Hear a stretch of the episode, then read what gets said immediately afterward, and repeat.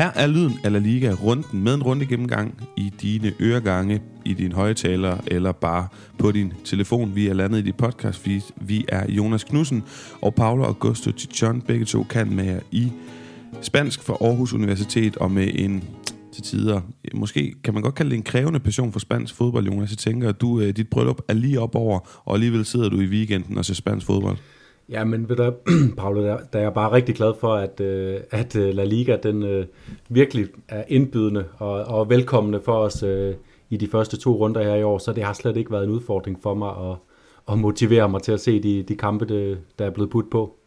Det er godt, du siger det, men måske krævende at, at dårligt ord, dårligt formuleret, måske det er mere forpligtende, fordi øh, det forpligter, når man har en podcast, når man elsker at snakke om og se den spanske liga. Så det har vi selvfølgelig gjort, og Jonas, sidst vi optog, nåede vi jo lige øh, ikke at få blandet Atletico Madrid og Real Betis i aktion, i aktion i den her sæson. De vandt begge to nogle flotte sejre, og vi fik øh, Joao Felix, vi fik øh, den gode Alvaro Morata at se, og så hos Real Betis blandt andet Juanmi.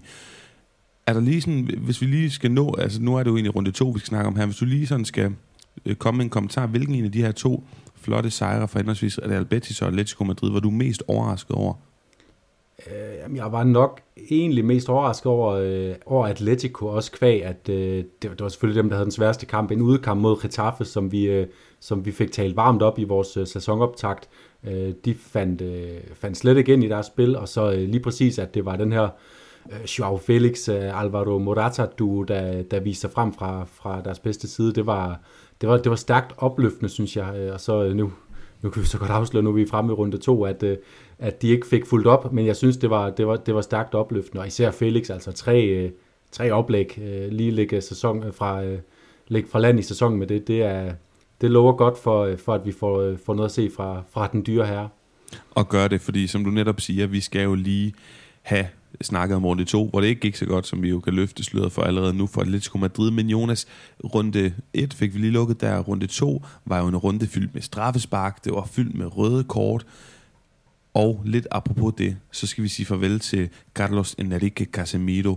Det er sådan den store nyhed i ugen, der er gået, siden vi snakkede sammen sidst, og det synes jeg, vi skal slutte i den her noticiesafdeling af med, for det er en stor skikkelse, der forlader spansk fodbold, og der er mange interessante pointer at byde ind med her, men inden vi kommer så langt, kan du så ikke lige tage os igennem øh, de eventu- eller de transfers, jeg ved, der er sket, men som man muligvis ikke lige har fanget i, i den uge, der er gået, siden vi snakkede sammen sidst?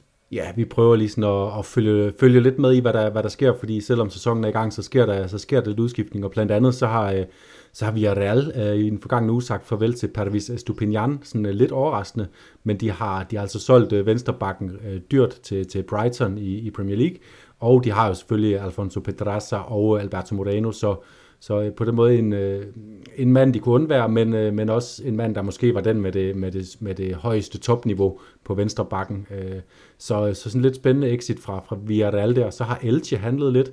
Blandt andet har de øh, lånt Domingos Kina, som vi lige lærte at kende lidt for, for Granada, hvor han kom ind og scorede et brag af et mål, da han var forbi der. Øh, Alex Collado har de så lånt fra Barcelona, som også øh, vi kender fra Granada, hvor han var udlejet til sidste sæson. Øhm, så et par spændende handler der for, for øh, Elche.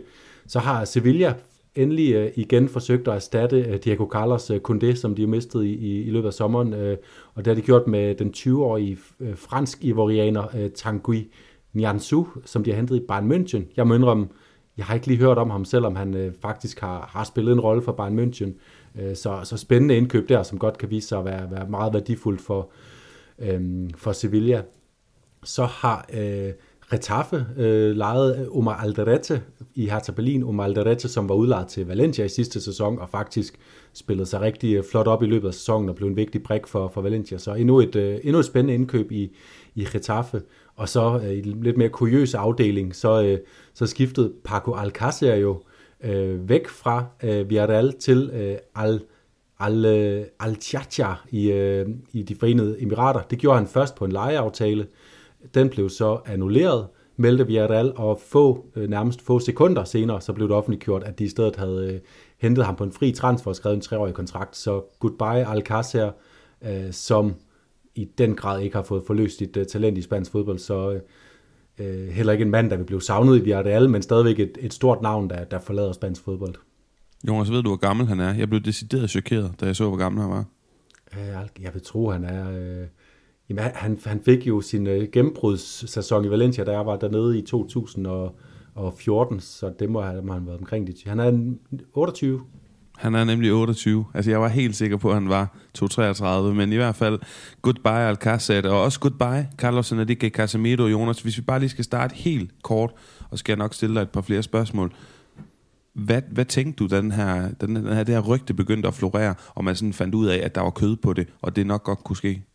Øh, jamen, lige så snart det her rygte kom, så tænkte jeg, det burde Real Madrid måske være åbne over for, øhm, selvom det kan, det, kan, det kan lyde mærkeligt, fordi vi, øh, at Casemiro øh, har været og var formentlig stadig også tiltænkt en utrolig central rolle for det her Real Madrid-hold, øh, har øh, spillet jo fast, og især jo i de store kampe været fuldstændig indiskutabel, når Real Madrid har skulle øh, forsøge at vinde øh, Champions League-titel øh, på Champions League-titel på den her midtbane.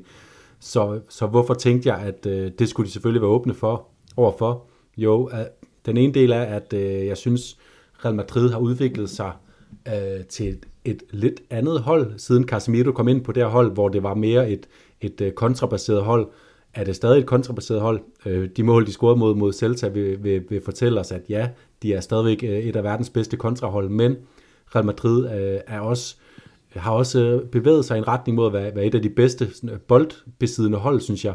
Og der har Casemiro for mig at se nogle gange været lidt en hemsko, øh, fordi at hans afleveringsspil, det er altså ikke der, at han er en verdensklassespiller. Det er han på øh, stort set alle andre områder, øh, end, end lige præcis der. Så derfor 30 år gammel, Øh, man kan hente en, øh, nu kan jeg ikke huske, hvad de har fået for ham, er det 60 millioner euro, eller, eller noget den dur, måske kan det løbe op i 70 millioner euro, øh, og så prøve at, øh, at finde ind i nogle nye konstellationer på den her midtbane. Så jeg synes, der var mange ting, der talte for, at de skulle gøre det, øh, og øh, selvom det selvfølgelig er en virkelig, virkelig dygtig og vigtig spiller, øh, man siger farvel til. Jonas, det er jo sjovt, fordi sidste, sidste gang, vi snakkede sammen her i podcasten, der spørger jeg dig jo ind til den her kabale og, og lidt mit selvdiagnostiserede OCD, og kan vi snart komme videre, eller i hvert fald komme et skridt videre mod fornyelsen, nemlig i stedet for den komplette fornyelse af alle tre musketerer, jamen så måske bare en af dem. Og det endte jo så med at blive Casemiro, men på en helt anden façon, end det vi regnede med, fordi han bliver solgt, i stedet for bare at blive udfaset på grund af sådan en sportslig relevans.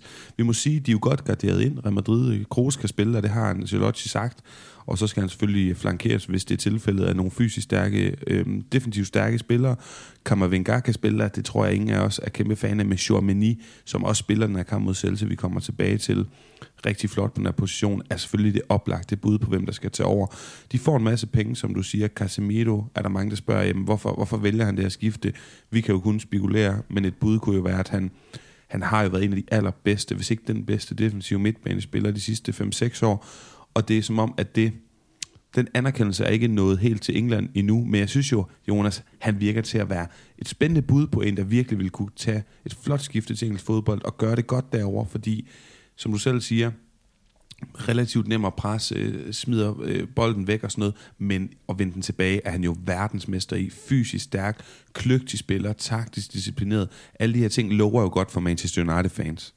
Ja, og jeg tror sagtens, han kan altså, øh, øh, være af hans øh, øh, boldspil jo heller ikke, end at han sagtens kan være øh, øh, oprydder og øh, igangsætter for, for et hold som Manchester United, hvor han også øh, ved, at vi får øh, øh, lidt samme midtbanekonstellation med to spillere foran sig, så han, øh, han kan øh, lægge bolden frem til Christian Eriksen eller øh, Bruno Fernandes, og, og hvem der nu kommer til at spille øh, til at spille lige foran ham. Så, så jeg er også sikker på, at Casemiro bliver, hvis, øh, nu, nu nu er jeg ikke 100% inde i, hvad det er, Manchester United mangler, men de mangler i hvert fald øh, til synlædende, må vi, må vi forstå, en hel del, og, og lige præcis at få sådan et øh, anker ind på midtbanen, det kan, det kan vise sig at, øh, at, at blive altafgørende, og, og han kan blive en vigtig figur i, i deres øh, ja, lidt desperate forsøg på genrejsning.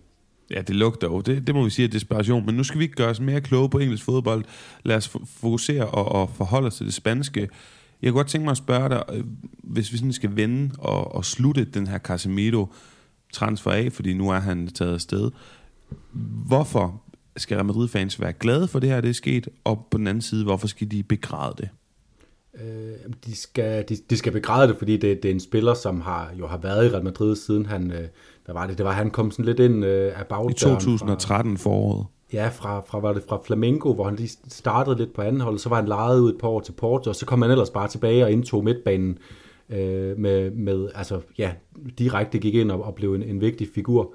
Øh, så, så det skal de begræde, at det er en af en, øh, en trofast øh, øh, spiller, som har, øh, har klubbens, øh, ja, øh, han har jo været med på den, hele den her rejse med, øh, med, med et væld af Champions League-titler, så en, så en spiller, der har klubbens vindermentalitet inden under huden, øh, og, og en, helt, er jeg helt sikker på en lederfigur i omklædningsrummet. Det skal de være ked af. Øh, og så, så skal de være glade for, at øh, måske øh, at det her er, er den, en, et tegn på, at Real Madrid kommer til at gribe det her øh, generationsskifte på midtbanen øh, an på en måde, som ikke bliver øh, lige så abrupt, øh, som man nogle gange ser med, med generationsskifte, at klubber venter for længe, og så skal de lige pludselig skifte alle på en gang. Vi så Modric spille fremragende i weekenden, øh, og nu kommer man af med Casemiro, Øh, af med i godsøjne. Nu, nu forsvinder Casemiro, så nye kræfter kan komme ind, mens Modric og Kroos stadigvæk er der til at, at overlevere, om man så må sige, øh, deres øh, know-how. Så, så på den måde vil jeg være optimistisk for, for at det, det tyder på, at Real Madrid bare har styr endnu en gang, må man sige, de sidste, hvis vi ser sådan de sidste 10 år, endnu en gang har rigtig godt styr på deres fodboldmæssige planlægning. Altså Real Madrid, som du snakker om der generationsskifte, øh, Bale, Isco, Marcelo, Casemiro smutter, sommeren før det, blandt andet Varane og Ramos. Øh, det må man sige er, er vildt med de her skikkelser, Jonas. Øh, og, og, ja, det, det må man sige. Øh, men og, og hvis jeg lige må komme med en, en modif- lille modifikation, nu, nu bliver det meget optimistisk øh, det hele med det her Casemiro-salg, det kan jo være, altså vi kan ikke udelukke, at om, øh, om 8 måneder, 8-9 måneder, så sidder man og siger, hvorfor solgte vi Casemiro? Øh, Tchouameni, ja, spændende takter, men han kunne ikke udfylde øh, rollen på det høje niveau over en hel sæson, og derfor ender vi nummer to i ligaen og røg ud i kvartfinalen til øh, Bayern München, eller hvad ved jeg. Altså, det kan vi jo heller ikke udelukke, det scenarie, men jeg synes, sådan, når man sidder lige fra det her sted, så, så, så kan der godt være, øh, så, kan, så er der mange grunde til at, at se positivt på det. Jeg er helt enig. For lige færdiggøre min pointe om det her med, med veteranerne og de store skikkelser i omklædningsrummet, der er jo mange, og det, sådan er det jo altid med spansk fodbold. Når man kigger på den ene af de to store hold, så sammenligner man med den anden, og jeg kan se mange på sociale medier, der nævner Barcelona i det her Casemiro-salg, at det her det er et godt eksempel på, hvor, Casem, hvor, hvor altså hvordan Real Madrid på en eller anden måde manøvrere meget bedre i, i økonomien, i transfermarkedet osv. Og det tror jeg måske også, jeg er enig i. Så er der folk, der peger på Busquets, Piqué, Alba, de er der stadig, mens Real Madrid formår at skifte ud. Men det er jo ikke helt det samme, fordi det er jo La Masia spiller kontra ikke La Fabrica spiller. Jeg ved godt, Casemiro havde øh, sit første par måneder i klubben på Real Madrid Castillas hold, men I ved jo, hvad forskellen er i forhold til at være Spanier, være fra klubben fra barnsben og ikke Ja, og det er måske en, en så simpel forskel, at uh, øh, FC Barcelona er lidt mere sentimentale. De har lidt svært ved at skille sig af med deres øh, ejendomme, der, uh, ejendele, der ligger, uh, der lige får lov at ligge op på en kasse på loftet, inden de endelig får smidt, uh, smidt det ud af, ud af systemet, hvor Real Madrid er simpelthen er, er, måske lidt lige en tand mere uh, kyniske og, uh, og, og uh, ja, hvad, har virkelig til at have et bedre overblik over deres sportslige projekt. Øh, hvis jeg er meget enig, Jonas. Udover tv-rettigheder, der er de ikke så nostalgiske og sentimentale Barcelona. Men lad nu det være det, vi har snakket om det før. En sidste pointe herfra. Lad os se, om Real Madrid er færdig på transfermarkedet nu. En lidt tynd trup, kun 20 markspillere, og altså to målmænd, det er 22 i en sæson, hvor der kommer VM og så videre. Lad os se, hvad der sker. Nu har vi sagt farvel til Casemiro. Vi tager en breaker, og så kommer vi med en masse snak om runde 2 hvor der skete en masse fede ting. Jugar tiki-taki, tiki-taki, donde hay no espacio. Yo creo que hemos hecho que tuvimos que hacer. Es intentar cambiar el partido en un otro manera. Runde 2, Jonas, den startede fredag aften, hvor Espanyol hjemmetog imod Rayo Vallecano og Los Madrileños. De vandt 2-0. Isi Palazón, flot, meget, meget fræk frispark. Og Padesis Røde kort i første halvleg til Gomes og Lejeune, og Rayo, der fortsat imponerer. Espanyol pressede ellers flot på for endnu et remontade, men det går ikke godt. Ikke god start for Diego Martinez tropper. Lørdag startede vi med Sevilla Valladolid. Den blev 1-1 mål af Anuar og sen scoring øh, udligning af Karim Rekik. Sevillas haltende start, der fortsætter hvad værre er, hvis du spørger mig. Det er altså ham her, Tecatito Corona, som kom slemt til skade i ugen, der gik. Han er ude resten af året. Valladolid fortjente den her sejr. Det er der slet ikke nogen tvivl om, men det fik den jo så ikke. De havde selvfølgelig glemt til allersidst, at deres målmand, nye målmand Sergio Asenjo, han tydeligvis er kæmpe sevillista, for han laver et kæmpe drop. Og Jonas, så spurgte jeg lige øh, min kontakt Ignacio Cáceres fra El Desmarque, som er dækker Sevilla, har gjort det i mange år, om der nogensinde har været et større pres på det her projekt i de senere år, end der er netop nu, og han er enig i, at både Monchi med transfers og Lopetegi i forhold til spillet på banen lige nu er under et ret stort pres, og det bliver afgørende, hvad der sker de kommende uger. Og så har jeg også snakket med José Luis øh, Rogi, som er Valladolid-ekspert for både Cadena Serra og Diario As. Han siger, at øh, Valladolid-holdet slet ikke er forstærket nok i forhold til den trup, de vandt sekunder med, eller gjorde det godt i sekunder med, og at fans og også ham selv, altså ham er José Luis Roji, han selv kræver en større reaktion de sidste dage af transfervinduet. Så mit spørgsmål til dig, Jonas, er, hvilke af de her to journalister mener du øh, kommer med det mest interessante udsagn i forhold til de to klubbers situationer her?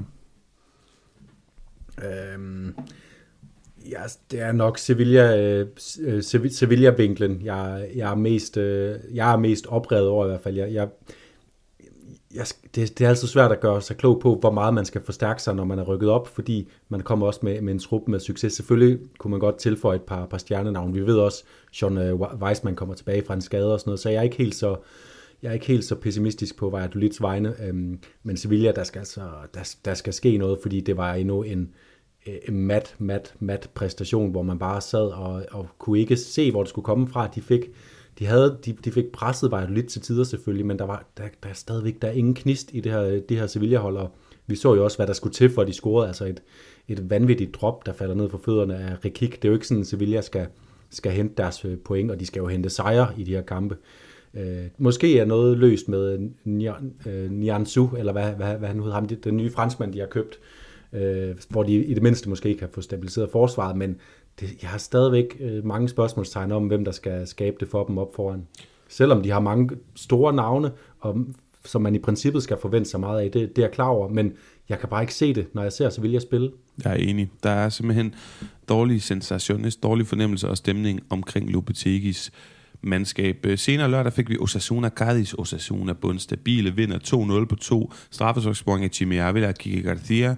Tjusket forsvarsspil af Los Gaditanos. Fansene Cardis-fansene er utilfredse, de er trætte af ledelsen, store mishagsytringer før og efter kampene, Cerveda og altså nuværende træner Sergio Di Fredes, og så føler jeg, og det er også det, jeg kan læse mig frem til, at der sætter spørgsmålstegn ved klubbens købeevne og ambitioner, og sådan den der tanke om, det eneste, der kan redde dem, jamen det er ikke en flot sæson, det er et mirakel, som lidt det, der er sket de seneste to år, mens der var en helt anden ro og forløsning omkring det her Osasuna-hold fra Pamplona. Mallorca Betis, det blev 2-1 til gæsterne fra Betis, to straffesparkscoring af El Panda, som bare er uhyggeligt effektiv fra 11 meter pletten, og Betis, der har maksimum point, på trods af, at Mallorca forsøgte med udligning. Til det sidste, Celta Vigo tog mod Real Madrid og tabte 4-1, masse flotte mål, dem kommer vi tilbage til, og den her tanke om, om Tuamini, han kunne præstere i Casemiros sted. Søndag startede vi med Atletic Klub, som vandt 1-0 over Valencia på San Mamés på et mål af Alex Berenguer og Gattusos Valencia. Havde egentlig bolden mest. Det så rigtig fint ud, men det passede Valverdes baskiske tropper rigtig fint, som så så mere farligt ud på kontrastød. Valencias udtryk, Mm, det, som sagt, det ser fedt ud, men det skriger på kvalitet på de første tre pladser, især efter, at Hugo Dudo han måtte udgå på krykker haltende. Og så spurgte jeg lige min kontakt, Jonas i Bilbao, Benjak Gutierrez, der er ekspert på spansk fodbold, eller baskisk fodbold. Jeg spurgte ham lige ind til, hvad er succeskriteriet for, at Ernesto Valverde, han skal i Europa, bliver der svaret her til mig. Og det tvivler Benjac dog på, at materialet og kvaliteten i truppen er til. Hvad siger du her, Jonas? Øh, jeg er enig i, at det, det der er succeskriteriet, det, det er altid sådan noget øh, top, top 6-7 stykker, jeg, jeg tænker, at Athletics skal satse efter. Øh, jeg er også skeptisk. Øh, nu havde vi jo, øh, til dem, der har hørt vores optag, så, så ved de også, at du er, du er meget optimistisk. Du tror, de, de tager en fjerdeplads, øh, hvor jeg, jeg tror simpelthen ikke, og det viser også, at øh, allerede den første kamp, hvor, efter, efter den første kamp, hvor de startede med Via Libre, så har Valverde rystet posen lidt, og den her gang blev det med... Øh, med øh, Nico Williams og Iñaki Williams og Berenguer, og så Munir indtrukket lidt tilbage for at prøve at ryste posen, få lidt mere til at ske frem, øh, frem af banen. Stadigvæk så synes jeg, at den her kamp mod, øh, mod Valencia, de har lidt problemer med, øh, med deres afslutningsspil. Det ender så med Berenguer, øh, som, som jo, vi ved, jo ved har et, en god afslutningsbud, han scorer, men øh, ja, det var, det var jo en fremragende kamp. Jeg synes både Atletic Klub og Valencia spiller en god kamp. Virkelig, virkelig en dejlig fodboldkamp mellem to store klubber. Øh, men jeg har stadigvæk lidt svært ved at se, hvor, øh, hvor de her, øh, den her stabile strøm af mål, den skal komme fra øh, for Atletic Klub, hvis de skal, hvis de skal opnå noget sådan øh, længere opad i tabellen. De er bare et godt fodboldhold, men øh, krømlen på, på lavkagen, det, det skal vi lige se. Ja, jamen øh, lad os se, hvor meget. Det jo startede fint med fire point efter to runder. Vi skal lige forbi de sidste to kampe, vi har haft i runden. Atletico Madrid tog hjem mod Villarreal. Ikke på Wanda, men på Civitas Metropolitano. Og så fik de øh, 2-0. Lille losing, vil jeg sige, af Jette Pino og Jedab Moreno. Mega talentet, der scorede et rigtig flot mål på noget så usædvanligt som et forsvarskoks hos Simeones soldater de evnede slet, slet ikke at kommunikere sammen. Det var ret vildt at se. Det var ellers en ret ufarlig situation. Og så efter udvisning af unge, nye højreback Molina, så blev det kun værre med den her Moreno, Jada Moreno scoring. Til sidst, en fodboldfest hyldest. Den var fantastisk, den kamp, der lader det tog mod Barcelona, og endte med at tabe 4-1, selvom de på mange fronter var lige så gode, hvis ikke bedre, i de første perioder af kampen, og så kom den offensive forløsning altså for det her nye Barcelona-projekt, sikke en kamp. Vi blev forkælet med Jonas. Jeg synes, Atletico Madrid Villarreal er sådan den åbenlyse kamp at bruge mest tid omkring, men lad os da starte med den her sidste kamp, jeg lige øh, omtalte, Barcelona, der var gæster i San Sebastian. Nej, hvor var det en fed start på en fodboldkamp. Ja, det var, øh, det var simpelthen øh, søndag aften kl. 22, hvor man måske tænker, åh, nu har man lige set... Øh, øh, for mit vedkommende i hvert fald øh, halvanden kamp med Valencia Atletic, og så en, en kamp Atletico øh, Villarreal, som, som på mange måder var, var sådan lidt deprimerende, øh, i hvert fald at se Atleticos tilstand, og så bliver man bare i den grad sparket tilbage i, i fodboldbegejstringen øh, med, øh, og, og så lige præcis, at det er Lewandowski også, der træder ind, altså den her øh, øh polske angriber. Vi har ventet på, øh, øh, vi har, eller vi har ja, ventet på, siden vi hørte hans, om hans skifte, og så fik den her lidt skuffende første runde mod, mod Rayo, hvor han ikke rigtig bød sig til, og så kommer han bare fra start og får, øh, og får leveret det, vi, vi kender ham for, mm. med, øh, med, med kold afslutning. Men Jonas, altså for at være helt ærlig, ikke også? Jeg, jeg sad sådan lidt og overvejede at begynde at skrive nogle ting ned, hvor jeg synes, jeg var lidt, hvor jeg ville være kritisk mod begge mandskaber, for jeg synes, der er store mangler i deres spil stadigvæk. Men så, så blev jeg enig om at smide det ud. Altså, jeg vil, jeg vil bare kun hylde den her fodboldopvisning, vi fik. Så lad os starte med, hvad var det, der var så fedt med at Real Sociedad? Altså, du ser jo, de har jo simpelthen, de kan få grise med lækre fodboldspillere offensivt. Brais Mendes, Takefusa Kubo, Isak, Silva, Merino. Jeg sad bare savlet. Jamen, øh, og, og, ja, og det gjorde jeg også, og, og noget af det, der var det, særdeles opløftende at se, og, og, og, og virkelig sådan inspirerende øh, at følge med i, det var, at de her øh, øh, fremragende øh, boldekvilibrister, de pressede, som om, at øh, der ikke var nogen, øh, nogen øh, dag i morgen. Altså, øh, David Silva var oppe i dødspres. Øh, Take Kubo, øh, som jo også er ham, der vinder bolden fra Frankie de Jong, øh, da, da altså Sociedad, de svarer lynhurtigt igen, øh, vinder bolden fra Frankie de Jong, øh, leverer den til Isak, som så øh, øh, ja, ja, meget symptomatisk for, øh, for Eric Garcias Barcelona-karriere, som bliver, bliver taklet ind øh, via ham. Men, men det var jo Real altså Sociedads høje presspil, det at de turde gå op og lægge helt højt øh, pres på Barcelona, det som vi også øh, øh, ser, at det er det, der skaber de mest underholdende kampe, øh, og om det skaber de bedste resultater for modstanderne, det ved vi ikke, men det, det er, det, det, er de, øh, det er den metode, der skaber de mest underholdende kampe med, med FC Barcelona, når modstanderne går op og presser dem, og de tvinges til og, og finde nye løsninger, tage stikken, der måtte finde øh, direkte afleveringer op til, til Lewandowski ofte. Det var også sjovt at se, dem lavede han mange af, øh, så der var, der var virkelig mange spændende elementer i det her, og så var det selvfølgelig også spændende at følge med i, øh, i øh, FC Barcelonas fronttrio, hvor Dembélé igen fik sådan lidt la-la, øh, i hvert fald første time af kampen, hvor Ferran Torres, han var fuldstændig ved siden af sig selv, lignede en mand, der, der er godt presset over at være, øh, at være ja, presset bagfra af Ansu Fati og, øh, og Rafinha og, og hvem ved jeg. Det er sjovt, fordi en kamp, der ender 4-1, hvor øh, mod et hold, der er så stabilt og også god defensiv, som, som der Sociedad var i sidste sæson,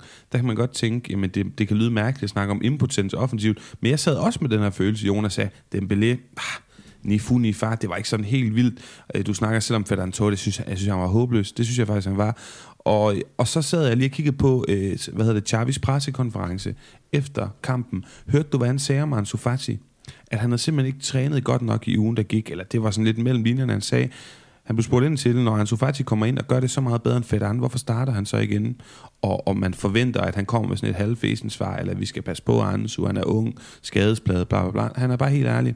Federn Tones har trænet meget bedre i ugen end, end Ansu Fati. Og i spansk presse bliver det altså fortolket som lidt un ballo, altså lidt en, en vink med en vognstang her, at Ansu skal, ikke, skal passe på ikke at blive for, for, for meget storhedsvandvid, fordi det kan godt være, at han ser spændende ud, men han har jo reelt set ikke rigtig præsteret i en længere periode i, på et virkelig succesfuldt sportsligt Barcelona-hold. Ja, og der, der, der er to ting, jeg har at sige til det. Den ene, der er, jeg, jeg lagde mærke til, at da, da Fati øh, øh, ligesom har lavet sin, øh, ja, han starter vel med at lave to, to oplæg, øh, da han har gjort det, så synes jeg resten af hans aktioner, bortset fra, at der falder en øh, tilfældig bold ned øh, til ham, som han scorer på, de bliver sådan lidt for tilbagelænet, som om, at, man, man, som om, at han, han øh, han har, han har stillet sig tilfreds. Nu har han øh, været kommet ind og gjort sin impact, og så, så laller han lidt rundt, hvor, hvor det, som vi jo øh, det, det vi jo lærte øh, hans forgænger, og som jo må være ham, han skal spejle sig i, og også ham, jeg tror, Xavi gerne vil han spejler sig i, Lionel Messi selvfølgelig. Hvis han var kommet ind i den her kamp og havde lavet sine to oplæg, fik bolden på kanten af feltet, så ville vi bare se en Lionel Messi, der var dybt fokuseret øh, og, og ville gøre alt i verden for at bringe sig selv frem i en situation, hvor han også kunne score. Han ville have mere, og der var faktisk det, det er som om, at han, han læner sig lidt for meget tilbage. Han bliver sådan lidt, han bliver sådan lidt, øh, af, lidt arrogant i sin, sin kropsholdning, når han, øh, når han har bolden. Og den anden ting øh, til det her øh, Xavi-citat, det er, at Xavi han ligger jo ekstremt meget vægt på, og det har han gjort lige siden han trådte ind øh, midt i sidste sæson, på at der har været for meget, øh, for, der har været en for dårlig indstilling til øh, hele det at være FC Barcelona-spiller øh, i FC Barcelona-truppen, at øh, dengang, øh, han refererer selvfølgelig til dengang han selv spillede på de her ekstremt øh, succesfulde hold, at øh, man skal simpelthen leve fuldstændig dedikeret. Hver eneste træning skal man være op på 100%. Man skal spille, man skal spille alle situationer som om, at, øh, at, at øh, øh, med den bevidsthed om, at man skal overgå alle modstandere i hele verden, når man spiller for FC Barcelona. Så man kan ikke rende rundt og have en halvflad træningsuge. Og det er sikkert også det, som du også siger, at han fortæller til, til Ansu Fati gennem den her, øh, den her pressekonference. Jonas, har du en sidste emne, pointe, et eller andet i forhold til den her kamp? Øhm, jeg, jeg synes, at Xavi, han, øh, det, det, det var fedt at se, øh, at han skifter, den måde, han skifter ind på i løbet af kampen, og den måde, han rokerer rundt på holdet på, at man møder et hold, som i lange perioder af den her kamp øh, præsterer over øh, FC Barcelona, altså de, Real Sociedad er, er det bedre hold i store perioder af den her kamp, i store perioder den første time i hvert fald. Hvordan reagerer Xavi? Det gør han med nogle offensive øh, skaktræk, som, øh, som øh, tipper balancen over til, til deres fordel og får rykket spillet længere frem, og så kommer Fati ind og kan afgøre det.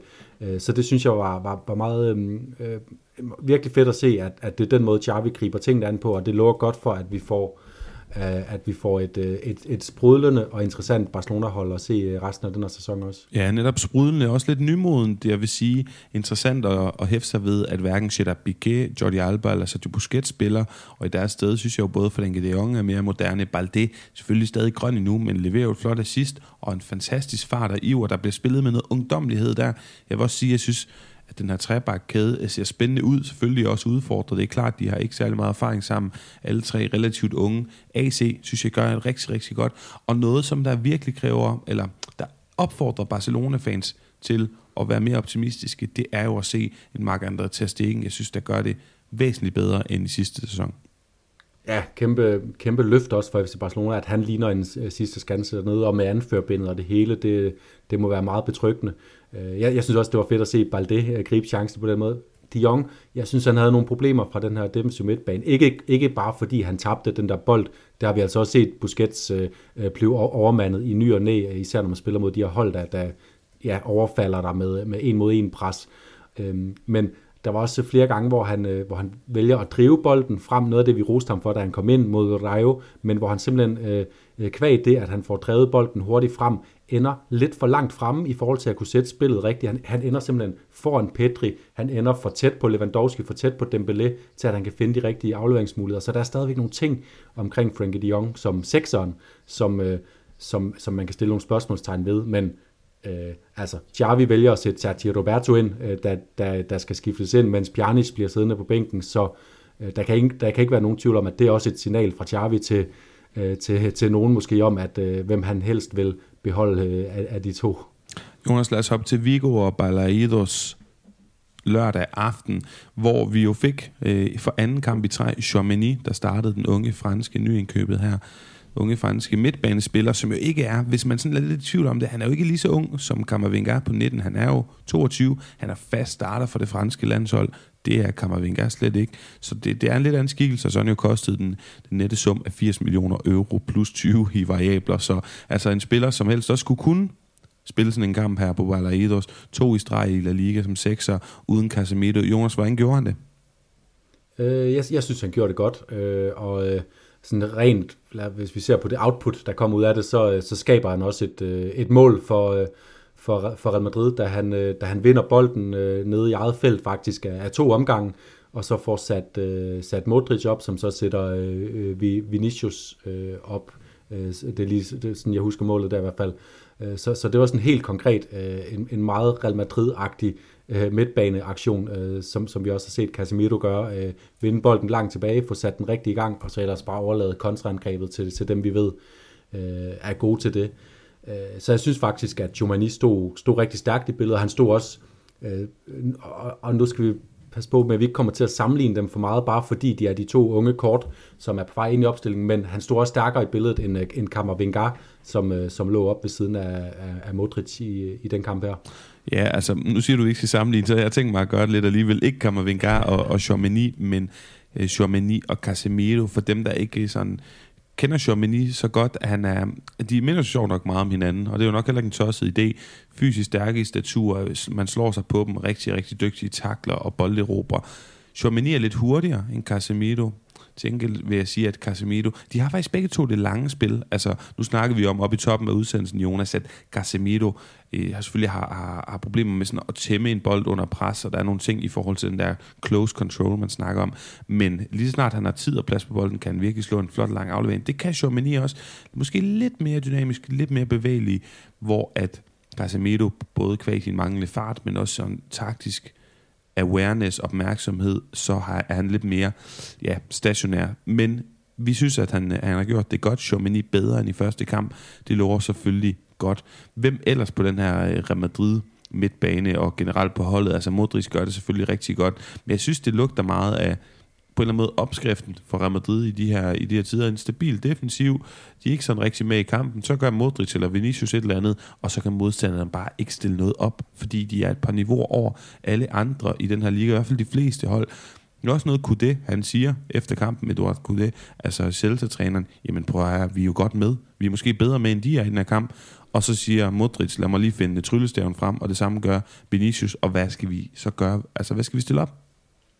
Ja, men det, han kan godt sige, at de er godt med i kampen, men når de, øh, når, når de så forsvarer i deres, øh, deres restforsvar på den måde, de gør, altså det mål, hvor Modric sætter Vinicius op, øh, vi kan godt hylde Modric for den aflevering, han ligger, og Vinicius for, for hans, øh, hans afslutning, men det er godt nok heller ikke den sværeste dybdeaflevering, Modric har, har, har lagt i sit liv, fordi der bliver bare åbnet en lang øh, passage, hvor han kan lægge den helt simpelt op til, til Vinicius. Det, det er forfærdeligt øh, restforsvar af, af Celta, og så kan man være nok så meget med i kampen, hvis man, hvis man, hvis man øh, slækker på, hvordan man, øh, man placerer sig øh, over for spillere som Modric og Vinicius, så kommer man også til at tabe sine, øh, sin fodboldkampe, klart.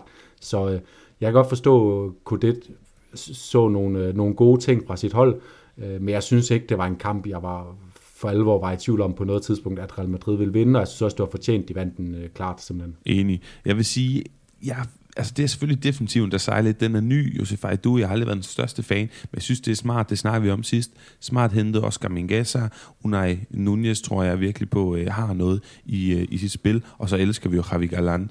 Så det er sådan eh, egentlig ikke det, jeg synes, doble pivot med Beltran og Tapia virker rigtig fint. Paciencia har fået en god start, og så har han selvfølgelig legenden Jago Aspas, som vi ikke kan stille noget som helst spørgsmålstegn ved. Men det bindeled, Jonas, mellem den defensive midtbane og angriberne, som helt konkret øh, skal udfyldes i den her kamp, ja, altså både af Oscar Rodriguez og, og Franco Sadevi, ah, det synes jeg altså mangler. Det må jeg indrømme, det synes jeg virkelig mangler niveau og kvalitet lige her pt.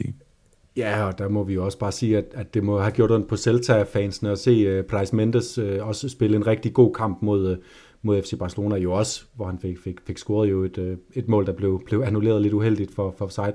Uh, men, men det er, det er det er et spørgsmålstegn for Celta. Altså Oscar Rodriguez, kan han overhovedet på nogen måde finde, finde tilbage til det niveau, der gjorde ham til, til landsholdsbobler, og også gav ham et par landskampe, så vidt jeg husker, Uh, øh, tilbage i Leganes-tiden. Øh, Franco Servi, han har efterhånden fået sine chancer. Han er ikke den spiller, der kommer til at løfte, løfte Celtas niveau.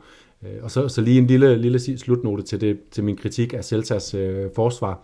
Øh, jeg har også i mine noter kaldt det mere et lille blowback, end som sådan et, et kæmpe bekymringspunkt, fordi der har været så mange forbedringer øh, i, i Celtas organisation øh, Øh, under, under, i løbet af Kudets øh, træner, trænerregime, så jeg tror, det er, ikke, det er ikke noget, at vi skal være alt for bekymret for, men lige præcis i den her kamp, der så, synes jeg bare, det så, så rigtig skidt ud, øh, og det kan vi så sige, det er de ikke de første, der har gjort mod, mod Real Madrid, så, så nogle gange er det også ens modstander, der får en til at se skidt ud. Jeg synes, det, det her Vinicius-mål helt konkret, det var Celta øh, rigtig meget selv skyld i, men øh, ja, men det, det skal nok blive bedre også med, med Unai, Unai Nunez som, som en rigtig god forstærkning, derinde i. Jonas, den her femårige kan med uddannelse, vi har, der har vi jo, det, det er slet ikke for at ja, formindske dens betydning, men vi har lært at analysere rigtig meget, rigtig, rigtig, rigtig meget med spansk foretegn. Vi har også analyseret nogle ting, hvor jeg nogle gange har tænkt, har det her virkelig en betydning? Og jeg kan også godt nogle gange være i tvivl, så nu vil jeg spørge dig, hvis du skal analysere den her gesto de capitan, da Karim Benzema han giver Eden Hazard muligheden for at score på straffespark, og øh, Eden Hazard så brænder. Det er klart, at det første kan vi alle sammen blive enige om, at det, det, det emmer af sund omklædningsrum, god stemning, hierarki og en anfører, der virkelig vil sin holdkammerat det bedste. Men at Hazard han så brænder, hvad skal vi, jeg skulle til at sige, hvad skal vi lægge i det? Det er dårligt formuleret, men hvad kan det få af betydning? Fordi her er et oplagt sådan måde lige at booste hans selvtid på ham, få ham lidt ind i varmen, og så brænder han det noget den lyne.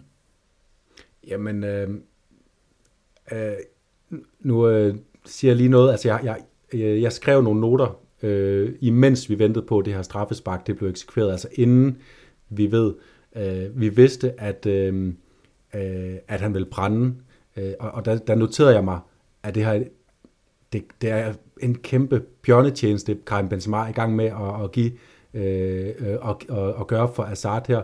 Vi ved, at øh, en del af det, han øh, kæmper med, det er, det er selvtilliden, fordi han har været ude så meget, han har været så langt under sit niveau, øh, som vi, vi kender ham fra, hans potentielle øh, topniveau, at, at det er selvtilliden, han er ramt på, og så får han sådan en chance her, hvor han er, altså selvom at det er i, i, i, på et tidspunkt, hvor kampen Øh, er afgjort til Real Madrids fordel, så er det et kæmpe pres lige præcis på ham. Der er ikke nogen Real Madrid-spiller, der vil være mere under pres ved at tage det her straffespark. Og, øh, og jeg synes aldrig nogensinde, Karim Benzema skulle have truffet den beslutning. Jeg synes, Benzema selv skulle have sparket den ind. Det synes jeg jo altid, man skal gøre, uanset hvornår man er i en kampsituation. Måske med undtagelse af, hvis ens kaptajn gennem 16 år spiller den sidste kamp i karrieren. Han har aldrig scoret et mål øh, for klubben, og så får man et straffespark i de døende minutter af hans sidste sæson. Der kan man snakke om det, men ellers så skal man altid lade sin, sit sikreste straffesparkskort sparke de her kampe. Øhm, og efter han så brændte, så noterede jeg mig, at nu begynder det altså at gøre lidt ondt i maven at se på, øh, på øh, Eden Hazard øh, rende rundt og være så øh, påvirket af hele sin situation, og, øh, og lige få minutter efter, så sagde Morten Brun præcis det samme, fordi øh, Azar begyndte, det kan godt være, at han ikke ændrede sin attitude af at brænde der straffespark, men sådan øjnene, der så, så lignede han bare en spiller, der var lige en grad mere slukket. Øh, og jeg tror, altså, det kan sagtens være det her, der slukker hans mulighed for at finde tilbage sit, sit, til sit uh, topniveau. Dråben, der får for, for til at flyde over. Jeg er fuldstændig ja. enig, Jonas. Men uh, med de ord, så synes jeg, vi skal hoppe videre til Atletico Madrid via Real.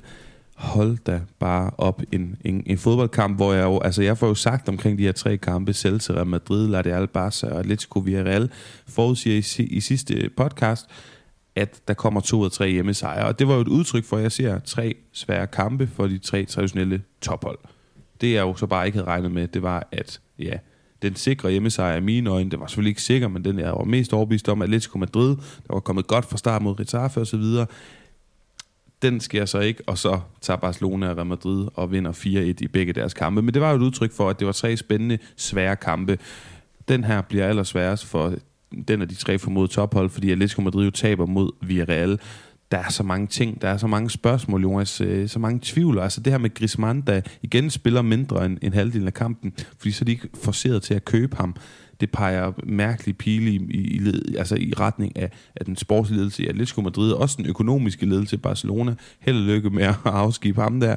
Marco Llorente har stadig ikke scoret et mål foran sit publikum på nu ikke Wanda, men Civitas Metropolitano, fordi den sæson, hvor han var så god, det var coronasæsonen og så bare generelt nogle frustrationer i den her Atletico Madrid-lejr lige nu. Der var stridigheder, der var problemer. Vi ser det jo helt håndgribeligt. Jan Oblak, der fuldstændig taber hovedet og sviner Jeddah Moreno til, da han scorer til 2-0 dybt ind i dommerens tillægstid. Prøv at høre her, Jan. Du ved jo godt, Jeddah Moreno, han altid ved alle sine mål fejrer det på udebane ved at kigge ind til sin datter og dedikere den der jubelscene til hende.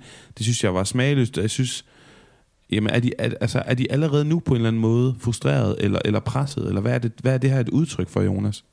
Ja, jeg synes, det var et, øh, ja, en kæmpe katastrofe, den her kamp for Atletico på alle mulige måder. Der var jo også, øh, Mario Amoso var efter kampen øh, ved at komme i, i håndgemæng med øh, nogle af Atleticos øh, ultra, ultras, fordi de havde øh, ifølge ham råbt nogle, øh, nogle grimme ting øh, af Antoine Griezmann, mens de her reservespillere løb, og, og øh, løb ud på, på græstedet efter kampen lige at og fik lidt løb i benene, øh, som de ikke havde fået øh, kvæg deres del, øh, manglende deltagelse.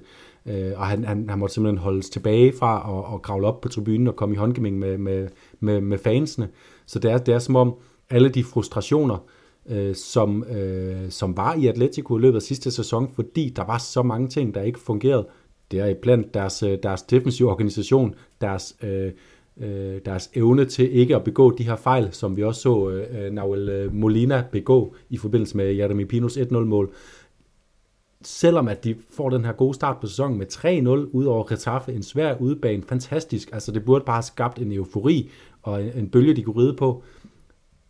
Et mål af øh, Villarreal, en svær kamp mod øh, øh, en modstander, som også kommer til at kandidere til at, at, at udfordre Atletico Madrid op i den her top 4 så falder øh, korthuset bare for dem, og jeg synes, det er, det er meget bekymrende, øh, at der ikke er, at de ikke har mere ro øh, i, i sindet øh, Atletico-spillerne. Meget enig, og symptomatisk med Noel Molina, der i første kamp foran sin, sin hjemmebane, sit hjemmepublikum her på Metropolitano også bliver udvist. Jeg er fuldstændig enig, Jonas. Det bliver spændende at se, om det bare også der igen lidt overfortolker eller overanalyserer på nogle ting, eller om der faktisk er er noget i det her, om der er kød på, på det, og at Atletico Madrid under Simeone i den her sæson kommer til at tage nogle af de frustrationer, du snakker om fra sidste sæson, med ind i den her.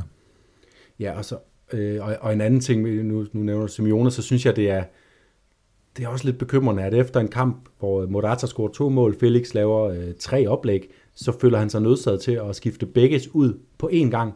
Øh, det, det er som om, Simeone, han, han, han mangler lige sådan lidt, øh, lidt, lidt, lidt, lidt fint følende fornemmelser for øh, at holde øh, selvtilliden i kog hos sin, øh, sin topangriber. Kunne man ikke have nået med for eksempel at tage Morata ud og skifte Kunja ind, give Felix chancen for at connecte med en ny? Nej, i stedet for så piller man to ned ved at lave sådan nærmest, det får nærmest en udtryk af en terrorudskiftning. I er ikke gode nok, nu satser vi på, at de her lige er gode nok i dag, næste gang satser vi på, hvem er gode nok? Altså det er, det, det, er, det er sådan en roulette, hvor ingen af angrebsspillerne kan føle sig, føle sig trygge i at kunne, kunne præstere. Øh, øh, og så må man jo så trods alt sige, at, at både Korea og Kunja kommer ind med sådan en vis appel. Korea især, synes jeg, Kunja tæt på at, øh, at score i en situation, hvor øh, Carrasco så følger op, og Rui fuldstændig mirakuløst holder bolden ude med, ja, er det en eller to millimeter, så det hører også med. Atletico kunne godt have kommet tilbage i den her kamp, men de blev udmanøvreret af et bedre hold, jeg er fuldstændig enig. Og det sjove det er egentlig, jeg har siddet sådan tilbage med den her, de her sensationer, den her følelse af, altså, jeg skulle prøve at finde en forklaring selv i, hvorfor jeg ikke var mere op at køre over Villarreal. Jeg sad og kiggede sådan ned på startopstillingen, Åh, oh, men det er jo, det er jo næsten nogen til det gala, altså Arna Danjuma, det bliver godt nok frækt, når han kommer ind i det her. Og så selvfølgelig øh, Manu Trigato, så sad jeg sådan og kiggede, nå, okay, men det er jo ikke derfor, jeg er ikke imponeret. De laver 6 point øh, i de første to kampe, 5-0 i målscore, alt, alt spiller for dem. Og så, og så er jeg bare egentlig kommet frem til, at jeg skal simpelthen forstå, at det her det er et alvorligt godt bud på en top 4 og et kandidat. Og jeg ved selvfølgelig godt, at det er det, men, men kender du det, Jonas, når man sådan lidt sidder op, man simpelthen bare jeg har lige glemt, hvor stort det egentlig er. Jeg, jeg skal lige forstå, hvor stor et statement det er at levere den her kamp mod Atletico Madrid i en kamp, hvor Gerard Moreno skal score et mål mere. Altså på den måde er det jo ikke som, man sidder og tænker, hold da op, det er heldigt, det vinder 2-0. Jeg ved godt, at Atletico også har chancer, men det havde Villarreal også til mere end det her.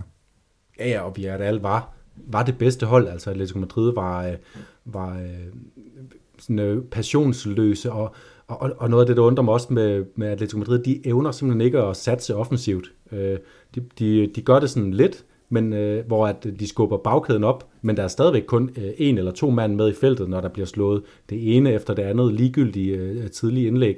Og så selvom at de står med tre mand tilbage og forsvar, så lader de på et tidspunkt Gerard Moreno øh, løbe afsted i en friløber, fordi at han kan bruge midten øh, til ikke at være offside, øh, men løbe bag bagkæden. Altså der var så mange ting, der virkede uafstemte ved Atletico. Øh, men øh, det, det tjener selvfølgelig kæmpe heder for, for Villarreal at være så gode øh, på udbane mod Atletico, og øh, det fik også mig til at tænke på, hvor, hvor, hvor, how high can they go, og hvad er det, der skal holde dem nede for at, være, for at plante sig helt op i toppen. Øh, og det har jeg faktisk også et lille bud på et svar på, fordi noget af det, vi, der også bragte dem så langt i Champions League sidste, sidste sæson, det var den her bagkæde, altså hvor det var, øh, om det var Alfonso Pedraza eller Pavis Estupinian i, den, øh, i venstre side, det var lidt lige meget. Øh, Juan Foyt, svær at erstatte for Villarreal. Pau Torres, erstatter du ikke med hverken Aisa Mendy eller Jorge Cuenca øh, ud fra bænken, og det samme kan man sige om Raul Albiol. Øh, hvis de skal blande sig helt op, hvor det er sjovt, Villarreal, så må de ikke få øh, nogen længere skadesforløb til deres øh, forsvarsspillere, fordi øh, så kan de ikke præstere uge efter uge. Så, så det, det er sådan det, der skal, der skal holde begejstring ned for Villarreal. Men lige nu alle mulige grund til at, at være begejstret for dem, også med alle de muligheder, de har i det offensive spil med, med Jackson og Baena som nye tilføjelser derop. Ja, det, og det, selvfølgelig El Commandante, det er sjovt, som også var ved at score i den her kamp. Ja, det er sjovt, du nævner Jackson, fordi jeg tænker sådan, det er jo klart, at Arnold Danjuma, der kommer og tager den plads, når han er klar om et, om et par uger. Men Jackson ser jo også sindssygt spændende ud. Altså så også det her kandidater, som vi snakkede om sidste gang, deres ungdomsafdeling, der altså også leverer. Jonas, en sidste pointe enten på den her kamp, eller runden, der gik, inden vi skal til nogle kroninger. Uh, hvis jeg lige skal tage noget fra, fra runden, der gik, så synes jeg, det var... Uh, det var bemærkelsesværdigt med de her Sevilla-klubber. Det, det er sådan den store pointe. At jeg synes, Real Betis, de skuffede mig også i den her kamp mod Mallorca. De var, vi må bare sige, de var pivheldige med at få, få den her sejr med hjem. Det straffe til Fekir vil, vil sikkert blive diskuteret længe. Jeg synes faktisk godt, man kan argumentere for, at det er der, når nu det bliver dømt. Øh, men det er ikke fordi, at de, øh, de imponerede stort og, og skal have to straffespark for at slå Mallorca. Sådan. Så jeg synes, øh, selvom at, at der bliver hentet øh, øh point for de hold, vi forventer skal, skal gøre sig til i, øh, i top 4, så er der stadigvæk store spørgsmålstegn. Og for at runde af til det, vi lige har snakket om, så er det Villarreal, som er det hold, der, der overbeviser af de hold, som øh, følger efter FC Barcelona og, og Real Madrid lige nu. Fantastisk. Jamen med den pointe og på den note, så er vi på den sidste breaker for i dag, og så kommer vi med en masse koringer. Good evening. Good evening. Good evening. Good evening. Good evening. Good evening. Jonas, jeg tror, vi fik etableret sidste gang, at det jo er det, der er så, vi starter med. Og hold op, vi fik mange det, der er så. Vi blev forkælet med Isi Balasons fantastisk frække. Jeg, jeg er simpelthen... Ej, jeg bliver blød i knæene, når jeg ser en vellykket og så fræk, original, autentisk frisparkskombination, som ender i et mål, som selv Toni Kroos vil være misundelig over, den der skrue ned langs stolpen. Luka Modric laver et sindssygt flot langskud. Barca, de laver flere flotte sådan, samspilsmål med Dagonassos, og så Geronimo Rui. Jeg har lyst til, og jeg ved, at du også godt nogle gange kan lide at se øh, lidt defensivt, og på dem, der ikke altid får lige så meget opmærksomhed. Den redning, han har ved stilling 1-0, der er ikke mere end hver der 10 minutter tilbage, den er fuldstændig kampafgørende, for at Villarreal de kan tage tre point med hjem til, øh, til Castellon. Ja, ja, og det viser perfekt Ruiz styrker hans, hans smidighed, fordi det er, jo, det er jo en ripost, den han redder, så det vil sige, at han har været han har, har fokus et sted, og så skal han lige pludselig have fokus et nyt sted, og så får han reddet med, som jeg sagde, øh, det, det er, ja, jeg tror ikke, det er meget mere end 1-2 mm, der gør, at den der bold ikke bliver, bliver dømt inde, så stærk redning. Jeg har lige et par bud på nogle, nogle sådan lidt alternative øh, øh detaljasus, og den ene det er, den gode gamle Javier Aguirre, han øh, måtte jo stå hele den her kamp mod, øh, hjemme mod Real Betis i en øh, orange træningsvest, simpelthen fordi han havde iført sig en, øh, en blå t-shirt, som havde samme farve som øh, Betis udbanes, øh, udbanetrøjer. Det synes jeg var, det synes jeg, der, der var noget smukt poetisk i den her øh, træner, som er kendt for at få sin hold til at arbejde stenhårdt. Han bare står der i sådan en orange vest. I sikkerhedsvesten. I sikkerhedsvesten, ja, lige præcis. Og så øh, under Emery, han får også præsteret noget stort ud på, på sidelinjen øh, ved stillingen øh, 1-0 til Villarreal, der, øh, der, der pøser, øh, jeg tror det er Juan Foyt, der pøser en ligegyldig, eller en fuldstændig øh, upresset bold ud over sidelinjen på et tidspunkt, hvor Villarreal, hvis indkastet bliver taget hurtigt, vil være i undertal øh, defensivt. Øh, hvad gør Unai Emery så? Han bodychecker simpelthen lige den Atletico Madrid-spiller, der er ude for at hente øh, bolden og tage det her indkast. Øh, selvfølgelig var der lidt øh, polemik bagefter, men jeg synes også, Diego Simeone holdt sig lidt, bag, lidt tilbage, nærmest som sådan i anerkendelse over, ja, ved du hvad, Unai, det der, det havde jeg også gjort. Øh, det, så der var en kampafgørende aktion for Unai Emery måske. Øh, og så sådan en lille kip med hatten til vores, øh, vores allesammens øh, hade og yndlingsdommer, Matteo Laos, som giver rødt kort til, øh, nu har jeg lige glemt, hvem det var, en, en Cardiff-spiller, øh, som får det andet gule kort, og i stedet for først at vise det gule, og så er det røde, så øh, svinger Laos begge kort på samme tid, og så man står med begge hænder i luften, gul i venstre, rødt i højre. Øh, det er en mand med sans for dramatik. Øh, hvis jeg skal vælge en, der skal have den, øh, så er det nok Easy. Jeg synes også, det var et fantastisk, øh, den afslutning, han også får sat på, og så, jeg synes, det er meget opfindsomt. Jeg, jeg tror aldrig, jeg har set den der øh, frisbakskombination med et, med et aflæg på den måde øh, inden fra, fra kanten af feltet. Også uopmærksomt forsvarsspil, må man sige, men al kredit til, til opfindsomheden. Mm, jamen, jeg er fuldstændig enig, og altså meget, meget fortjent ros til det her, øh, til det her Rayo-mandskab. Jeg har snakket med vores venner her på podcasten fra Rayo Noruega, som siger, at det jo stadigvæk er et hold, som, som minder mig om det sidste sæson, men at der ikke er nogen tvivl om, at Ida Ola, han har fået det til at fungere øh, som en enhed, også frem mod den her kommende sæson. De var jo rigtig gode i efteråret, ikke så gode i foråret, har fået fjernet det her lidt halvtraume, det var at være tæt på nedrykning efter så god en sæson, start sæson. Og så fremhæver de altså Dimitrievskis øh, præstation mod Barcelona og Patesis, der har været rigtig, rigtig god i begge de her øh, rejekampe. Spørgsmålet er, om han kan, fordi vi giver jo det, der er så til, øh, til Isi, om øh, Patesis er en del af de Hugones, du har haft øh, kig på i den, her, i den her runde, der er gået. Jeg har noteret mig, øh, at, at i den her runde, der er øh, alle de, øh, de gode præstationer fra, fra lidt overraskende kant, de er, de er blevet overskygget af nogle af de spillere, vi har store forventninger til. Og, og den første, jeg noterede mig den her weekend, det var Luka Modric, som jeg synes var, øh, ja, Luka Modric mod, mod, mod Celta Vigo. Øhm, og så har jeg noteret mig Ansu Fati, fordi øh, han spiller godt nok kun øh, 26 minutter, men når man så på de 26 minutter øh, leverer to oplæg, det ene med hælen, og så også får, får scoret et mål, hvor man bare kender sin øh, besøgelsestid, så, så bringer man sig simpelthen i spil med, øh, med sådan en effektivitet og sådan en indflydelse på, på spillet. Jeg ved ikke, hvem af de to, jeg hælder mest til. Og jeg ved ikke, om du har et tredje bud, som, den er, kan, den som kan ryste mig. Oh, jeg, jeg har faktisk bare skrevet Luka Modric. Jeg er enig med Ansu Fati. Det er jo nok, Ansu Fati vil for mig falde på, men det er jo sådan et præmisspørgsmål, det der med, om, om man kan være øh, kampens spiller ved kun at spille. Og det kan man selvfølgelig godt ved kun at spille under en halv time. Og han ændrer også kampen, så jeg, jeg er fuldstændig med dig i også, at, øh, at han er et bud. Øj, den er godt nok svær, Jonas. Øh, ja, altså, jeg synes godt, vi kan give den til Luka Modric, fordi uh, på grund af, ja, det er bare, han er den bedste spiller, måske i La, i La Liga, når han spiller på det niveau, og en af, en af de bedste i, i verden også, stadigvæk, selvom han er 37 år. Jeg synes, han leverede en af de kampe, hvor Luka Modric, han bare... Uh, han er bare alt afgørende for, at, at alt det ender med at tippe over i Real Madrids fordel. Og så det mål, han scorer, hvor han afdribler en mand og, og sparker den op i hjørnet, det er jo, øh, ja, det var, det var også et, et, et mål, der var tæt på at blive, blive detaljasso for runden. Så mm. øh, skal vi give den til Luka Modric? Lad os give den til Luka og komme videre i vores eh, Drente Cruyff-skala. Dem, der ikke har hørt det, har vi jo givet omdøbt øh, den her tidligere, ja, både eh, Dani Alves Douglas skala, den har også heddet Woodgate Ramos tilbage i tidens morgen. Nu hedder den Drente Cruyff. Drente er den mindre gode, eller lad os bare være ærlige, den negative historie fra ugen, der er gået i spansk fodbold. Og det er, at man spiller i 37 graders varme 1930 i Madrid, i stedet for at spille 22 i Madrid, når det, øh, temperaturen er faldet mest muligt, mens man spiller 22 i Baskerlandet, hvor der slet ikke er så varmt. Jeg hader kapitalisme især når det ødelægger min spanske fodbold, som jeg elsker så højt, og jeg synes, det her, det giver slet ikke nogen mening. Heldigvis er det Sofie, hun hedder kommentatoren, der havde fået med, at det er varmt. Øh, man skal ikke, skulle jeg til at sige, gør sig den tjeneste at tage til Madrid med de her temperaturer. Jeg har været det mange gange. Jeg har nærmest boet i Madrid, og mine brødre har boet der. Det er, det er fuldstændig umuligt at være udenfor, og slet ikke at dyrke eliteidræt på det her niveau, mens det er så varmt. Så ja, jeg tror slet ikke, vi forstår, hvilke betingelser de her spillere skulle præstere under.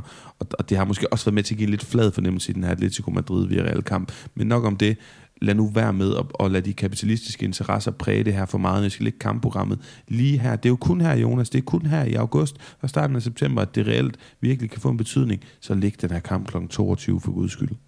Ja, og når vi alligevel er i gang med at se kampe kl. 22, så kan det lige så godt lade dem, lade dem regne ned over os. Øhm, og øhm, ja, øh, det bringer var faktisk også videre til, til min trende, fordi øh, Rajos fans de har, de har også fået lov til at, at mærke, hvor varmt det er i Madrids gader og stræder, øh, øh, simpelthen fordi, at øh, Rayo Vallecano, som jo er en smuk klub på så mange måder, men som øh, ledelsesmæssigt er i en katastrofal stand, øh, en stand, hvor de øh, udviser gang på gang manglende respekt over for deres fans. Den her weekend har ikke været nogen undtagelse. Det, det var den her weekend, at øh, Rayo-fansene øh, endelig kunne komme hen til, til Takias på stadion og få fornyet deres sæsonkort få bestilt nye sæsonkort, få ændret øh, deres placering med deres sæsonkort osv. Øh, det kan de selvfølgelig ikke gøre online, fordi det har der jo ikke prioriteret at få op at køre. Så fredag begyndte de at, at stå i kø. Den kø den øh, endte med at udvikle sig til en kø på 1000 mennesker, som stod hele vejen rundt om stadion i øh, Madrids øh, varme, varme, varme sommerklima. Og de har stået i op til, til 12 timer og ventet på, at de to øh, stakkels kontorarbejdere, der har siddet ved hver deres takia, øh, har skulle øh, forlænge og øh, udstede sæsonkort øh, i øvrigt i et system, hvor der ikke har været styr på numrene, og i øvrigt også har insisteret på deres øh, tre timers siesta, mens tusindvis af mennesker bare har siddet ude foran og stegt i deres øh, desperate klæde for at komme øh, for at komme ind og se deres øh, deres helte øh, spille fodbold hele sæsonen. Det er skandaløs øh, behandling af, af fodboldfans, og det er det er så trist at se. Øh, det der så er det lille positive twist i den her historie, det er, hvordan øh, spillere, de øh, fuldstændig uden forbehold tager fansenes parti. Øh, der er... Øh, der, der er støttemeldinger fra Mario Suarez, Santi Mesania, Bebe, Falcao, alle øh, de store øh, Rayo-spillere, som så også mellem linjerne får sagt, vi forstår ikke, hvad det er, klubben tænker på, når de ikke kan finde ud af at håndtere sådan nogle situationer her, og vi øh, elsker jer for, at I, øh, I sidder alligevel og venter på at få jeres øh, sæsonkort. Jonas, hørte du klubbens officielle udmelding og forklaring på, hvorfor at man, det ikke kan lade sig gøre som selvfølgelig, skulle jeg til at sige, eneste eller lige klub, der ikke har styr på det her online? Øh, nej. Det er, men jeg, jeg håber, du er klar og sidder ned.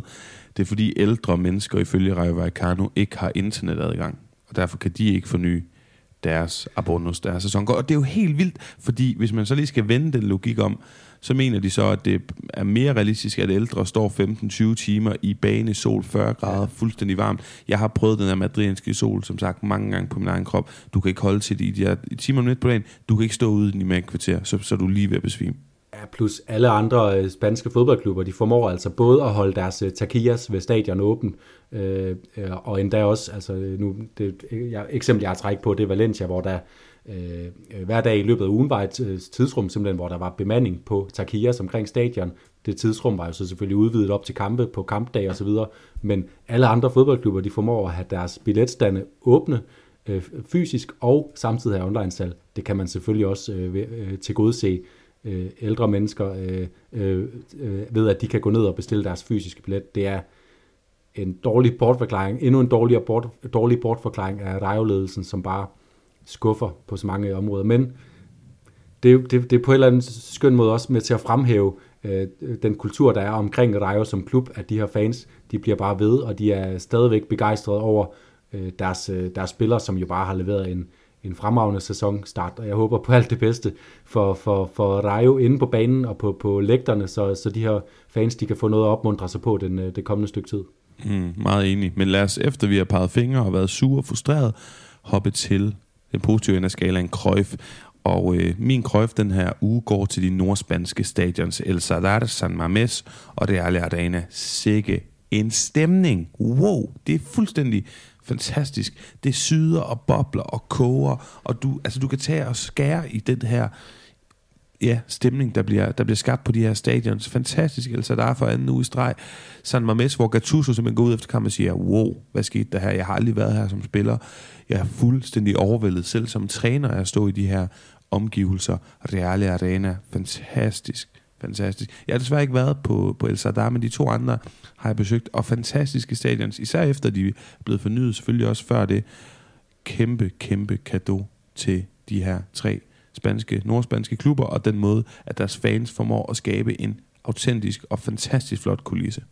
Ja, og øh, Gattuso han har ellers prøvet lidt af hvert ud over øh, at være med frem i Champions League og til VM-slutrunder og EM-slutrunder, så har han også spillet i, i Glasgow Rangers og sikkert også spillet med i det her øh, øh, skotske øh, derby. Øh, så øh, det, er, det, er en, det er noget, når man kan øh, overraske øh, øh, øh Gennaro Gattuso. øh, så kæmpe, kæmpe god krøjf. Jeg bliver i det nordspanske, og det er så på et stadion, hvor, som er mere kendt for, at en, øh, en let søbrise kan få al stemning til at fordufte op i luften. Men den her gang, der var grund til at rose Celta-fansene, fordi Luka Modric bliver skiftet ud, og som vi har set det øh, med blandt andre Andres Iniesta, som nærmest var på hyldesturné i det spanske i, i hans sidste sæson for FC Barcelona, så blev Luka Modric også klappet ud fordi han spillede den her magistrale kamp, som også gjorde ham til rundens krugon her i, i udsendelsen, men jo også øh, på sådan et bagtæppe af, at, øh, at det er bare en spiller, man har nyt at se øh, i så mange sæsoner, selvom han har spillet for en modstander, og det er spanske fodboldfans altså bare nogle gange gode til at, at anerkende, og det har været et eksempel på det, og, øh, og det synes jeg bare, det fortjener, det fortjener min krøjf. I øvrigt så øh, oplevede jeg øh, altså, Luka Modric blev ikke klappet af, da han var med. Jeg, jeg var i parken og se øh, Danmark-Kroatien, hvor Luka Modric bliver skiftet ind til anden halvleg. Og øh, selvom at der ikke blev sådan, det der klappet øh, af Modric, øh, at han ikke blev hyldet, så lagde jeg bare mærke til, at, at folk rundt omkring mig på tribunen, de kunne næsten ikke være i sig selv over, hvor øh, god en fodboldspiller de så for deres øjne. Der var bare sådan en, en øh, ligegyldighed øh, over for, at det var en modstander til Danmark, som kom ind og ændrede kampen i, i, i Kroatiens favør, øh, favør på vores hjemmebane. Der var bare sådan en, en beundrelse af, øh, hvad det var, man så, øh, hvad man så ham levere. Øh, og jeg var også selv øh, sat helt til vægs over, hvor god han var at se i, i levende liv. Mm, jeg vil også sige, jeg har, jeg har nok set ham 5-6 gange i levende liv, og hver gang så ja, sådan forstenet blik, øh, og, og netop bare den der ja, altså fuldstændig beundring, som du snakker om. Fantastisk fodboldspiller. Meget velfortjent, at han bliver applauderet. Jonas, sidste punkt på programmet er jo de her forudsigelser frem mod kommende runde, runde 3. Vi har næste weekend Real Betis hjemme på Benito Villamarin. De tager imod Osasuna. Begge hold har maksimum point indtil videre. Og jeg tror, begge hold scorer minimum to mål. Altså, det kunne godt blive en 2-2-kamp der. Tror i hvert fald og håber på, at begge hold scorer to mål. Og jeg vil sige, hvis man ville lede efter nogle billige spillere, der godt kunne starte ind og være involveret i de her mål, så er det Aymar fra Osasuna og Aitor Ruibal fra Real Betis. Man kunne kigge på igen lidt med tanke om på holdet.dk, hvis man vil overhale nogle andre indenom ved at købe nogle af de mindre populære spillere. Det er min forudsigelse. Hvad har du haft kigge på? Jamen, jeg har kigget på, på netop Rayo, som vi lige har snakket om. De, øh, de har jo fået en fremragende øh, sæsonstart med uafgjort på Camp Nou og en, øh, en udebane sejr. De, øh, de spiller så deres første hjemmekamp, og lad os håbe, at alle sæsonkortene er kommet i hus til den tid. Og det gør de på hjemmebane mod Real Mallorca i, i næste runde. Det tror jeg er altså en kamp, der ligger op til, at de kan følge op på deres gode sæsonstart. og så har jeg bidt mærke i, at Oscar Trejo endnu ikke har budt til med, med hverken mål eller oplæg, noget vi ellers kender ham for at gøre i, øh, i stride strømme. Så øh, jeg kan næsten ikke forestille mig, at han skal gå den tredje kamp øh, i, i træk, uden at, uden at være, være involveret på den ene eller den anden måde. Så, så ind med Oscar Trejo. Og så har jeg lige en til anbefaling. Har man, øh, har man en øh, angriber til omkring de der 5,5 millioner kroner inde på sit holdet DK-hold, så tror jeg faktisk, det er nu, man skal til at, øh, at bytte ham ud med, øh, med Ansu Fati, fordi øh, det kunne godt ligne, at det her var afsættet til, at han kommer til at være en, en alt dominerende spiller øh, øh, på, øh, på scoretavlen, på assisttavlen, og Barcelona spiller mod Real Valladolid på hjemmebane næste runde, og hvis han så oven i købet lige øh, hanker op i sig selv til træning og, øh, og viser Xavi lidt, øh, lidt, lidt arbejdsindsats der, så kommer han også til at, til at starte ind næste gang, øh, sammen med Lewandowski og formentlig Dembélé, og øh, så er han et godt bud på en spiller, der henter mange point.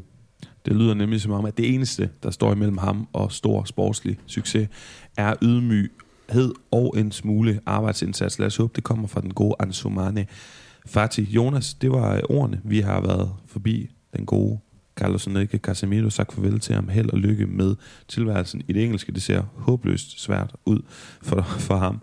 Øh, vi har også snakket om, ja, blandt andet hej til Ansu Fati, hej til Aurelien Chouameni, og altså øh, farvel til Atletico Madrids tre point på ikke Wanda, men Civitas Metropolitano. Det og meget mere har I hørt om i løbet af den seneste time tid, og vi glæder os til at give jer meget mere spansk fodbold efter næste runde. Jonas, skal vi lige fortælle, at du jo ikke er med næste gang? Ja, det kan vi godt. Jeg, øh, jeg får jo som sagt ikke, øh, som sagt de sidste uger også ikke tid til at se så meget fodbold, eftersom jeg skal, skal giftes næste weekend. Så, øh, så det vil næsten være, øh, det vil næsten være øh, ja, falsk varedeklarering, hvis jeg øh, troppede op mandag morgen og, og klogede mig på alt det, der var sket i Spanien i løbet af, af den weekend. Jeg tror, jeg kan snakke på både min og alle lytters vegne, når jeg siger, det er en kærkom og fortjent pause, du får der, så du må få, have et rigtig godt bryllup og sidde og nyde både øh, fest og tømmermænd og alt muligt andet, og så øh, skal jeg nok klare ærterne med en special guest, som helt sikkert også kommer til at sige en masse kloge ting, og så er du tilbage igen på et senere tidspunkt, øh, Jonas. Ja, og det glæder mig til at høre, hvad, hvad I så finder ud af, at være på den anden side og sidde og, og, og, og kloge mig på, når I kloger jer, øh, øh, og, og, og gør jer våde for, foran mikrofonerne. Yes, og der, der bliver vi altid nødt til lige at forklare det der med at morate på spansk. At vågepelsen komme med et postulat, det siger man på spansk, ved jeg sige, at man gør sig våd. Men øh, med de ord vil jeg nu sige tak, inden vi ikke rigtig kan være det bekendt længere. Vi lyttes ved næste gang. Hej!